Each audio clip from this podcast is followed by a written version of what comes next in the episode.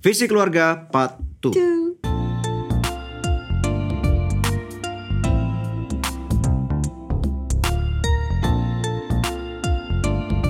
Kamu lagi dengerin podcast Love Revolution. Kamu sedang mengikuti podcast Love Revolution. Karena cinta perlu perjuangan dan tindakan nyata. Saya Daniel dan istri saya. Debbie. Ya, kita akan continue melanjutkan tentang pembahasan visi keluarga bagian yang kedua. Kedua, Yes. Nah, kita masuk sekarang ya. Bagaimana Iya. cara? Tadi pertanyaan kamu sebelumnya adalah bagaimana kita dapat menuliskan eh, mendapatkan dan menuliskan visi, itu. visi itu. Ya. Ya. Nah, tentunya sekali lagi visi ini sangat penting sekali karena akan membantu keluarga kita menavigasi mencapai titik destinasi yang Tuhan inginkan buat kita. That's right. Ya. Nah, sekarang adalah bagian kita untuk menuliskannya. Nah, kemungkinan besar Anda setelah tadi berdoa, kamu berdoa, kamu mendapatkan sesuatu dari Tuhan. Tentunya hal itu sangat perlu diuji. Ya. Ya. Nah, kalau kamu punya pasangan hidup, katakanlah misalnya suami yang dapat. Nah, maka aku bertanggung jawab untuk mengkomunikasikannya dengan kamu, istriku. Ya, menurut kamu gimana nih? Aku dapatnya seperti ini. Nah, istri juga bisa mendapatkan istilahnya bit by bit, piece by piece, jigsaw puzzle. Ya. Jadi dikumpulin betul, gitu ya. betul, Nah, betul. terus setelah itu bagaimanapun juga harus dicoba untuk menuliskannya di atas kertas Betul. atau mengetikkannya di komputer gitu kan di handphone kita. Pokoknya harus ada hitam di atas putihnya gitu. Karena Yes. kalau nggak dicatat pasti lupa dan menguap dan hilang Yes, gitu betul, loh betul, betul. ya. Nah, yang namanya visi Tuhan tuh biasanya memang simple, sederhana, tetapi mengena dan memang bisa perlu waktu bertahun-tahun untuk menghidupinya. Visi itu berarti sesuatu yang belum kita raih. Ya. Visi itu adalah sesuatu yang ada di depan. Ya. Dan bahkan kita tahu bahwa ada satu ayat di dalam Alkitab yang mengatakan tulislah dalam sebuah loh batu. Ya, supaya orang sambil, Sambil lalu lalu dapat membacanya. yang berlari dapat membacanya. Iya, Jadi tersebut, saking iya. simpelnya, ya. Nah, Nah, tapi Daniel eh, mungkin juga ada di antara pemirsa atau pendengar setia dari Love, Love Revolution podcast Hmm. Ya. ini yang sudah mendapatkan Yes. visi Tuhan dan sudah punya visi untuk keluarganya itu Yes. selamat buat kalian Selamat. ya. Tapi hari ini buat yang belum, belum. Nah, tentunya itu bisa untuk belajar. untuk bagi anda yang mau belajar lebih mudah adalah supaya anda mendapatkan buku ini nih, Love Revolution. Nah, kalau anda lihat di eh, halaman 150 ya, jadi tepatnya ini ada di bab yang keberapa nih? Ada di section 3 di bab ke-7 dengan judul yaitu Redefining Family Vision. Kalau kamu masuk ke halaman 150, maka di sana eh, ini ada pesan yaitu di poin yang kedua, paling mudah belajarlah untuk mengidentifikasikan karakter-karakter positif bawaan lahir dari That's pasangan right. hidup dan masing-masing anggota keluarga itu apa? Ya, Ya, misalnya betul. suami apa tegas Yes, gitu yes, ya. yes. Suami murah hati misalnya gitu. Betul. Istri misalnya pandai bergaul gitu Yes. alias cerewet gitu. Nah, ini kita sudah berikan satu checklist di sini ini ya. Ada satu checklist di halaman 151 yang juga mempermudah. Ada misalnya adil, berbelas kasihan, berinisiatif, bertanggung jawab, dapat diandalkan, dermawan, disiplin, efisien, berintegritas, jujur, dan banyak lagi eh, lainnya. Ya. Pantang menyerah, penuh kasih karunia, rajin, tekun, tegas, te- teguh, tulus, rendah hati, unik, berguna. Ya, Ya. jadi Nah, ini dituliskan satu persatu Yes. karena nanti Yes. eh, karakter-karakter positif ini atau nilai-nilai luhur ini Hmm. akan menjadi seperti pilar-pilar yang me- menopang visi Tuhan tersebut gitu. Yes. Nah, ya. dengan cara seperti itu, sekali lagi ini adalah karakter yang uh, menonjol. Ya, jadi tidak perlu sampai dicari-cari, tetapi kira-kira yang menonjol kelihatan mata, dapat dirasakan yang kira-kira nggak orang bilang nggak terlalu dipaksakan atau nggak ngoyo gitu. Tetapi perlu kejujuran nih, ya. Nah, paling mudah tentunya uh, suami mengakses atau menilai istri dan sebaliknya dan kita orang tua menilai anak-anak kita ya. Jujur ya. Dan kemudian yang nomor tiga adalah uh, nilai-nilai luhur ini kemudian setelah diidentifikasikan uh, kemudian ini akan membentuk pola berpikir bagi keluarga Anda dan kemudian akhirnya akan memperoleh satu titik yang lebih jelas. Tadi nomor satu ya belajar untuk menuliskan karakter-karakter positif Hmm. Yes. atau nilai-nilai luhur yang dimiliki That's oleh right. Hmm. masing-masing anggota keluarga khususnya suami istri kalau boleh juga kemudian diikuti dengan anak-anak. Ya. Sekarang nomor yang kedua nih Hmm. untuk menuliskan visi keluarga kita adalah pikirkan bagaimana Anda ingin keluarga ini dikenang. That's right. Iya. Warisan macam apa yang ingin Anda tinggalkan? Nah, kalau ngomong tentang warisan itu bukan cuma ngomong Banyak. tentang harta, bukan cuma ngomong tentang uang, ya kita jangan berpikiran terlalu sempit. Tapi Iya. maksudnya itu warisan nilai-nilai kehidupan apa yang Iya. mau diwariskan kepada anak-anak kita Iya. gitu loh. Kalau orang tuanya gampang nyerah, anak-anaknya juga kan gampang nyerah. Nah, kita tahu bahwa tentunya berarti ini perlu waktu ya. ya. Ini nggak nggak bisa cuman terjadi satu jam atau lima menit selesai. Nggak nggak Ya, ini it's a ini harus- journey gitu ya. And then harus didis- didiskusikan Yes, kan ya antara suami dengan istri. Ya, direnungkan dan kalau kami eh, dalam keluarga kami tentunya pada prakteknya ini perlu waktu berbulan-bulan dan Hmm. bahkan kami bisa menangkap sesuatu ada bit- bits and pieces yang Hmm. berbeda kemudian direvisi kembali. Fine tuning, Yes, fine tuning sampai fine-tuning, akhirnya betul. bisa dituliskan Yes, dengan baik di Yes. atas. Kalaupun misalnya kertas. Anda misalnya mau ninggalin warisan, kamu mau ninggalin warisan 100 miliar, it's okay, nggak masalah. Tapi Hmm. dalam bentuk apa? Misalnya pabrik atau perusahaan besar Hmm. atau sesuatu yang sangat berharga, yang mulia sah-sah saja ya Hmm. karena tentunya setiap orang juga berbeda-beda. Mungkin hari ini kamu udah punya perusahaan yang begitu banyak, Hmm. mungkin udah nilainya satu triliun atau dua triliun ya it's it's a blessing itu berkat kamu berkat Hmm. anak-anak dan cucu kamu tetapi ingat kalau kita tidak mempersiapkan uh, warisan apa yang kita mau tinggalkan dengan baik dan keturunan kita tidak dipersiapkan untuk mengelolanya ya habis ya, ya iya. habis sekali gitu ya Atau buat Anda yang misalkan hari ini berpikir bahwa oh aku belum mampu nih ninggalin warisan harta buat anak-anak. Ya. nggak apa-apa, jangan bersedih hati. Bisa juga warisan itu dalam rupa nama baik keluarga. That's right, Ya kan that's yang right. dijaga dengan sebaik-baiknya. Internet tanpa kuota bisa on terus. Ya kemudian masuk ke nomor tiga. Ya. hubungan pernikahan seperti apa yang ingin anda miliki dengan pasangan anda? Ya Hmm. ini penting sekali. Jadi coba direnungkan sejenak sekarang. Kalau misalnya pernikahanmu tidak baik sekali lagi kalau kamu tentunya ada gambaran dari Tuhan yang baik speak it up.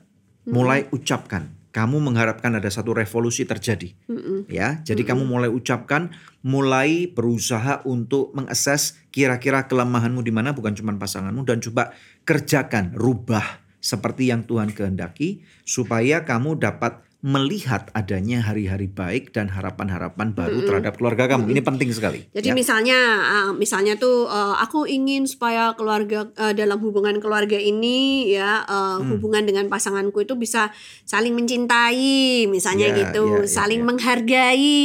Nah, itu maksudnya ya. Mhm. Apa yang Anda inginkan gitu hubungan dengan pasangan Anda tuh seperti apa? Ya, kemudian masuk berikutnya nomor 4 ya, karena totalnya ada 8 nih. Bagaimana Anda ingin anak-anak mengenang Anda, keluarga dan masa kecil mereka? Ya, jadi kalau nanti mereka besar, kira-kira kalau mereka ngomong tentang kamu nih ya, tentang orang tuanya atau bahkan pada waktu orang tuanya sudah tidak ada. Mm-mm. Mungkin mereka udah menjadi kakek nenek, mungkin mereka menceritakan kepada anak dan cucu mereka tentang tentang orang tuanya, tentang kakek buyutnya yaitu kita Mm-mm. ya nenek buyutnya yaitu kita. Kira-kira kamu ingin dikenang seperti apa melalui masa kecil mereka? Iya. Yang paling berkesan itu apa? Iya. Jadi kalau misalnya anak-anak kamu masih relatif kecil, masih berumur 5, 3, 2, 1 atau mungkin 12 tahun, Mm-mm. Ini momen yang tepat untuk kamu create memories That's right. yang menyenangkan, Mm-mm. yang berbekas. Mm-mm. Nah, kadang-kadang kita sebagai orang tua bisa juga berpikir mau sesuatu yang spektakuler, mau membawa mereka untuk jalan-jalan sampai ke bulan misalnya. Tetapi misalnya contoh ya. Tetapi kadang-kadang hanya untuk dengan spend time untuk main monopoli, untuk bahkan eh, berenang bareng atau mungkin nyetirin atau ngajarin anak kita main sepeda atau nyetirin ke sekolah tiap hari, itu bisa-bisa menjadi momen-momen yang membekas Iya. dan meaningful Iya. ya buat Tadi kehidupan ngomong- mereka. Ngomong-ngomong ke bulan jadi ingat lagu gitu. Fly me to, To the, the moon. moon. Tapi kak ada lagu bahasa Indonesia Apa juga. Ambilkan bulan bu, ambilkan bulan bu. Aku lupa lagunya seperti apa itu. Jadi Ya. maksudnya itu gini, kadang-kadang kita berpikir kayak tadi kamu bilang ya Hmm, mau ngajak anak-anak jalan-jalan ke bulan itu, tapi kan eh, apa namanya astronomical dan eh, bombastis, fantastis gitu ya, Ya, kan? Tapi ya Padahal- never never. Elon Musk sekarang udah mempersiapkan diri untuk pergi ke bulan, nah Iya, atau ke Mars. Nanti ya. itu berikutnya. Yes. Tapi maksudnya itu padahal yang benar-benar diperlukan sama anak kita tuh hanya imajinasi. Bisa juga misalnya dengan beli teropong yang nggak terlalu mahal, lalu ngajakin dia untuk ngelihat bulan, Ya. dan lalu ngajakin dia untuk mengembangkan eh, imajinasinya. Ayo coba kita udah nyampe nih ke bulan nih, anggap kita lagi pakai baju astronot, terus kita Hmm. Betul, jalannya bisa. kayak melayang-layang gitu aja itu sudah membuat Membekas. memori yang sangat indah di dalam Ya. benak anak-anak kita gitu. Jadi Ya. nanti kalau anak kita udah besar, udah dewasa, lalu mereka punya anak lagi, mereka akan menceritakan kepada anak-anaknya masa kecil yang bahagia. Ya, Kakek nenek kamu itu dulu banyak meluangkan waktu sama sama mami, sama daddy, misalnya gitu kan. Kalau masa kecil ya, masa kecil masa kecilku nih. Yang salah satu yang paling aku ingat tuh my dad was a very busy man. Tetapi untungnya dia juga bekerja di rumah ya. Tetapi ada masa-masa memang dia juga eh, punya kantor yang berbeda di rumah. Ini yang aku masih ingat nih. Eh, waktu aku kecil aku sering dijemput pulang dari sekolah naik sepeda motor sama dia nih. Nah, waktu kali itu hujan. Hujannya nggak terlalu deras sehingga kita bisa nerabas gitu ya. You know what he did? Ini yang aku masih ingat banget. Dia keluarin sapu tangan dia dan kemudian dia buat kan Topi-topian. topi-topian kan sapu tangan tuh ada empat sudut kan. Dia buatin kayak ikatan apa ya? Knot gitu ya. What do you call it in Indonesian? Simpul. Simpul satu sisi dan kemudian ditutup kepalaku. Supaya rambutnya gak basah, tapi kan basah juga. Iya, tapi itu membekas. Maksudnya Oke. sebagai anak kecil Keren. eh, itu menjadi sesuatu yang cool dan aku masih kecil banget Hmm. duduk di atas tangkinya sepeda motor kan ini eh, motor cowok gitu ya. Hmm.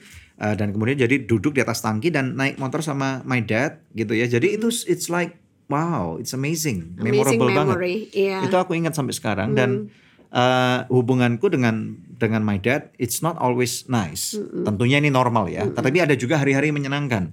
Dan kadang-kadang itu menjadi satu tabungan emosi yang bahkan pada waktu ada hari-hari yang tidak menyenangkan dan kita Terbawa lagi sampai hari ini. clash ribut itu bisa mengingat kembali oh my dad was a nice guy. Ya, you Ya. are very fortunate karena Yes. kamu punya pengalaman-pengalaman seperti itu kan. Kalau aku nggak terlalu fortunate seperti itu karena Yes. mungkin banyak juga pemirsa pendengar yang udah tahu bahwa uh, keluarga orang tua aku itu uh, apa terpisahkan, maksudnya bercerai orang Yes. tua gitu ya. Yeah. Jadi memori masa kecil sangat minim karena mereka bercerai ketika aku usianya lima tahun. Tapi Hmm, wow. itu pun masih ada memori-memori Ya. indah gitu kan ya maksudnya beberapa saat yang lalu sempat ngobrol sama adikku dan dia bilang J kamu inget gak kita tuh dulu suka eh, apa namanya eh, keluar ke balkon yang di lantai dua katanya Hmm. gitu terus kita tuh gelar tikar sama mama sama papa ngelihat ngelihat bintang-bintang katanya gitu terus eh, mama tuh selalu ngomong sama kita Mingdian Weken How gitu kan ada lagunya itu Iya. ya Tomorrow will be better katanya gitu Indian Waken How. Iya gitu kan Meskipun aku nggak terlalu inget ya Tapi ketika adikku ngomong gitu Itu juga menjadi memori yang yang indah Untuk tabungan emosi gitu loh Bahwa once upon a Iya. time Waktu keluarga kami masih utuh Itu bagaimanapun juga Anak-anak ini kami maksudnya itu dibesarkan dengan kasih Yes, sayang gitu That's right. Ya, kemudian Ya. yang kelima, harap apakah harapan Anda untuk anak-anak pada waktu nanti mereka menjadi dewasa? Ya, jadi orang tua Hmm. Sudah tidak ya. memaksakan. Ini ini penting. Orang tua tidak bisa memaksakan anakku harus jadi dokter atau anakku harus jadi pilot atau anakku harus jadi orang kaya. Memang Hmm. tidak bisa. Tetapi at least orang tua ini berkewajiban untuk nanam benih. That's right. Ya untuk karena anak kecil tidak bisa mempunyai angan-angan yang terlalu jauh. Mereka sudah punya pengen jadi pilot. Kayak aku kecil pengen jadi pilot tapi nggak jadi pilot is okay nggak apa-apa. Tetapi alangkah bagusnya kalau orang tua nanam harapan dulu ya. Orang tua kita punya satu eh, kesempatan privilege untuk bisa nangkap apa yang Tuhan kira-kira berikan kepada kepada keluarga kita tanam pada diri anak kita Hmm. Ya kalau aku ngomong sama si James, James God has a plan for you and God is going to use you to lead your generations. James Tuhan punya rencana yang besar buat kamu dan kamu pasti akan dipakai Tuhan untuk memimpin generasi kamu. Ya. Ini hampir tiap malam, hampir tiap hari aku ucapin terus.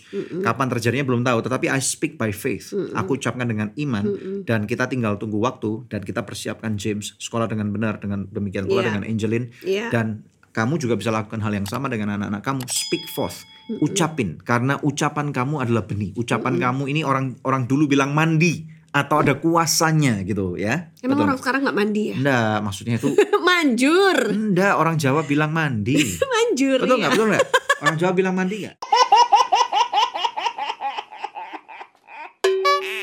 Iya diterjemahkan manjur Iya, jadi manjur gitu. Oke, terus ya, berikutnya. ya.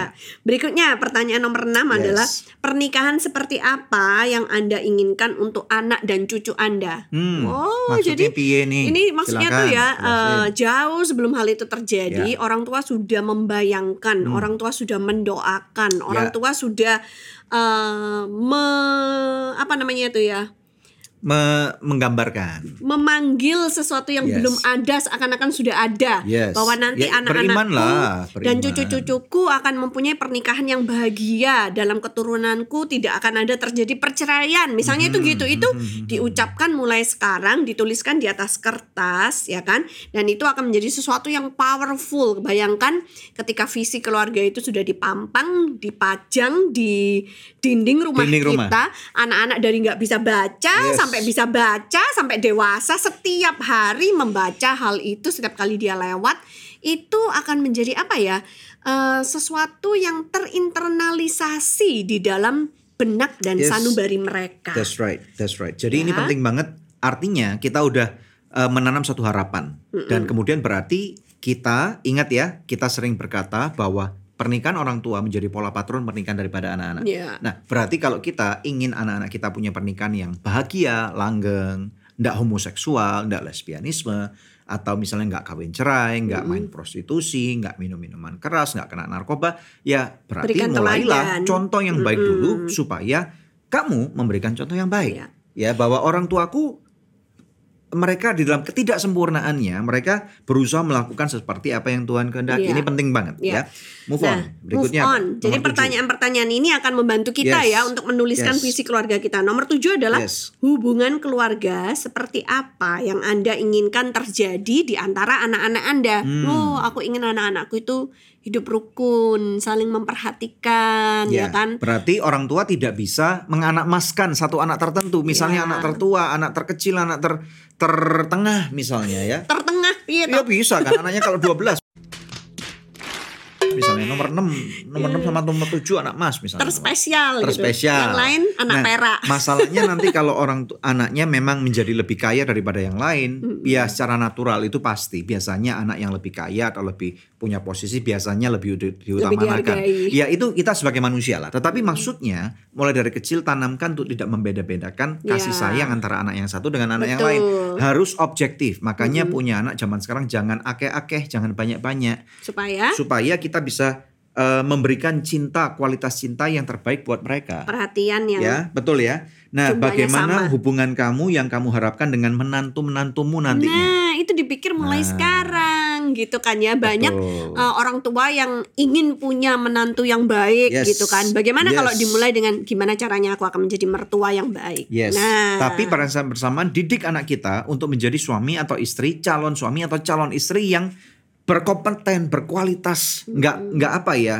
Sorry to say, nggak akan bakal menjadi pengangguran atau menjadi drug addict atau nggak bisa kerja gitu. Yang kerjanya cuman uh, main game, terus kemudian tidurnya sampai tengah malam, Bangunnya kemudian nggak produktif ya. Kemudian ini sangat disayangkan. Ada banyak generasi muda yang kehilangan eh, apa ya golden moment mereka karena tidak bisa disalahkan juga karena orang tuanya tidak memberikan pola patron yang benar atau nggak memberikan teguran atau uh, Nggak disiplin menanamkan action. visi dari Ya, Tidak awal. menanamkan visi dari awal. Ini penting sekali. Maka yuk kita nggak nyalahkan orang tua kita tapi do something, lakukan Iya. sesuatu. Kamu pasti bisa. Ada harapan bagi orang-orang yang percaya bahwa masa depan Iya. itu sungguh ada. yes. Betul? Yes. Ya, nomor 8 yang terakhir. Nah, pertanyaan terakhir adalah karakter positif Ya. atau nilai luhur apa yang belum ada dalam keluargamu tapi perlu Hmm. ditumbuhkan supaya bisa lebih efektif menghidupi visi keluarga tersebut, Yes, ya kan? jadi, Jadi jadi artinya secara muda ini kira-kira yang belum ada itu kamu angan-angankan kira-kira yes ya. komplimen penunjangnya apa. Oke, kalau misalnya kamu mau makan nih ya, mau makan nih ya, misalnya sudah ada ayam goreng, ya, kemudian sudah ada pete, ada sambal, gitu ya. Yang belum ada ternyata nasi, ya berarti persiapkan nasi putihnya ini.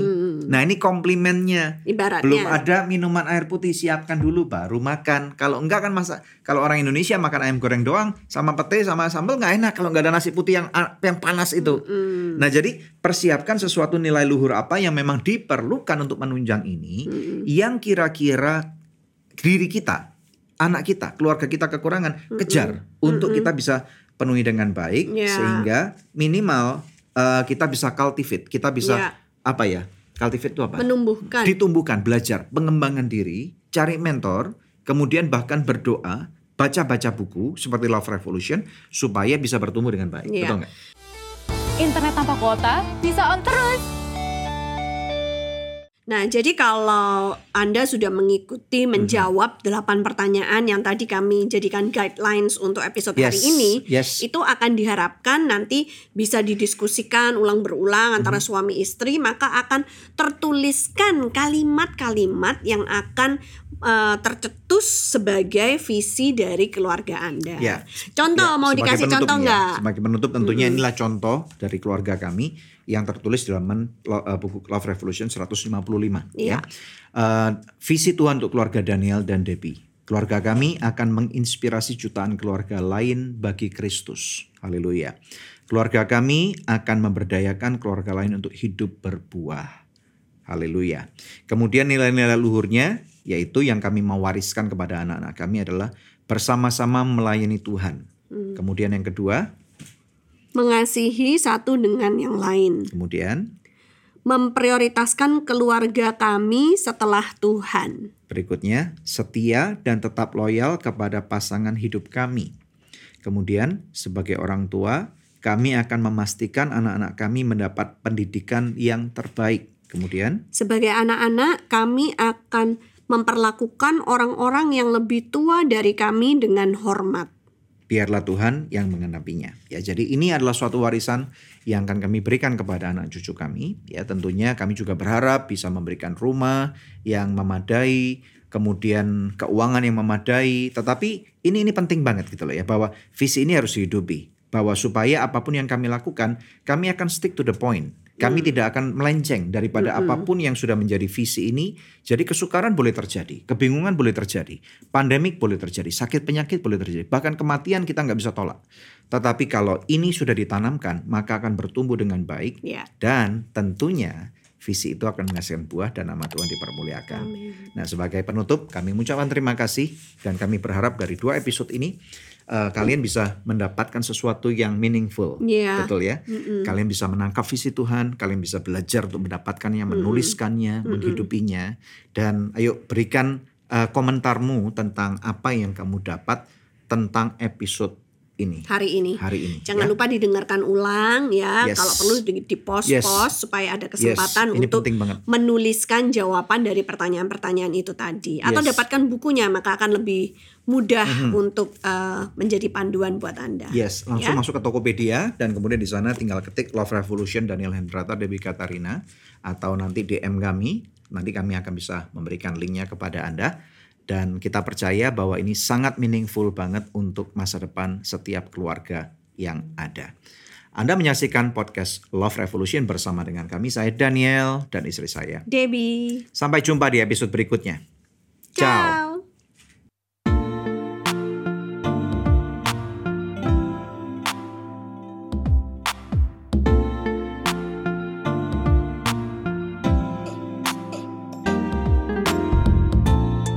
Kasih sudah tune in di podcast Love Revolution. Kalau kamu ngerasa feel-nya dapet banget nih sama konten ini, langsung aja bisa share di sosmed kamu. Dan jangan lupa untuk tag dan juga follow Instagram Daniel Hendrata dan juga Debbie Katarina. Kalau kamu mau belajar lebih dalam lagi nih tentang konten Love Revolution ini, kamu bisa dapetin bukunya di Tokopedia. Next on podcast Love Revolution.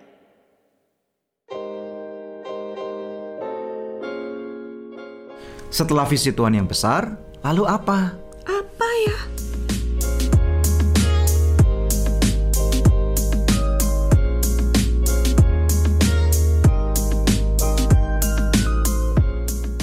Kamu ditempatkan di tempat itu untuk merubah generasi, bukan untuk memperkaya diri sendiri. Ya. ya.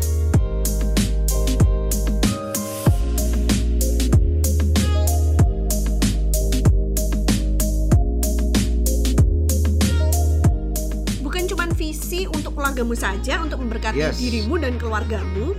Ya kan istrimu, anak-anakmu bukan cuma itu, tapi grander vision, noble purpose ini bicara bagaimana visi Tuhan itu yang kita tangkap kita melalui keluarga kita ini bisa menjadi berkat buat banyak Yes. orang, True. menjadi berkat buat bangsa Indonesia ataupun buat bangsa-bangsa kalau engkau mengimaninya.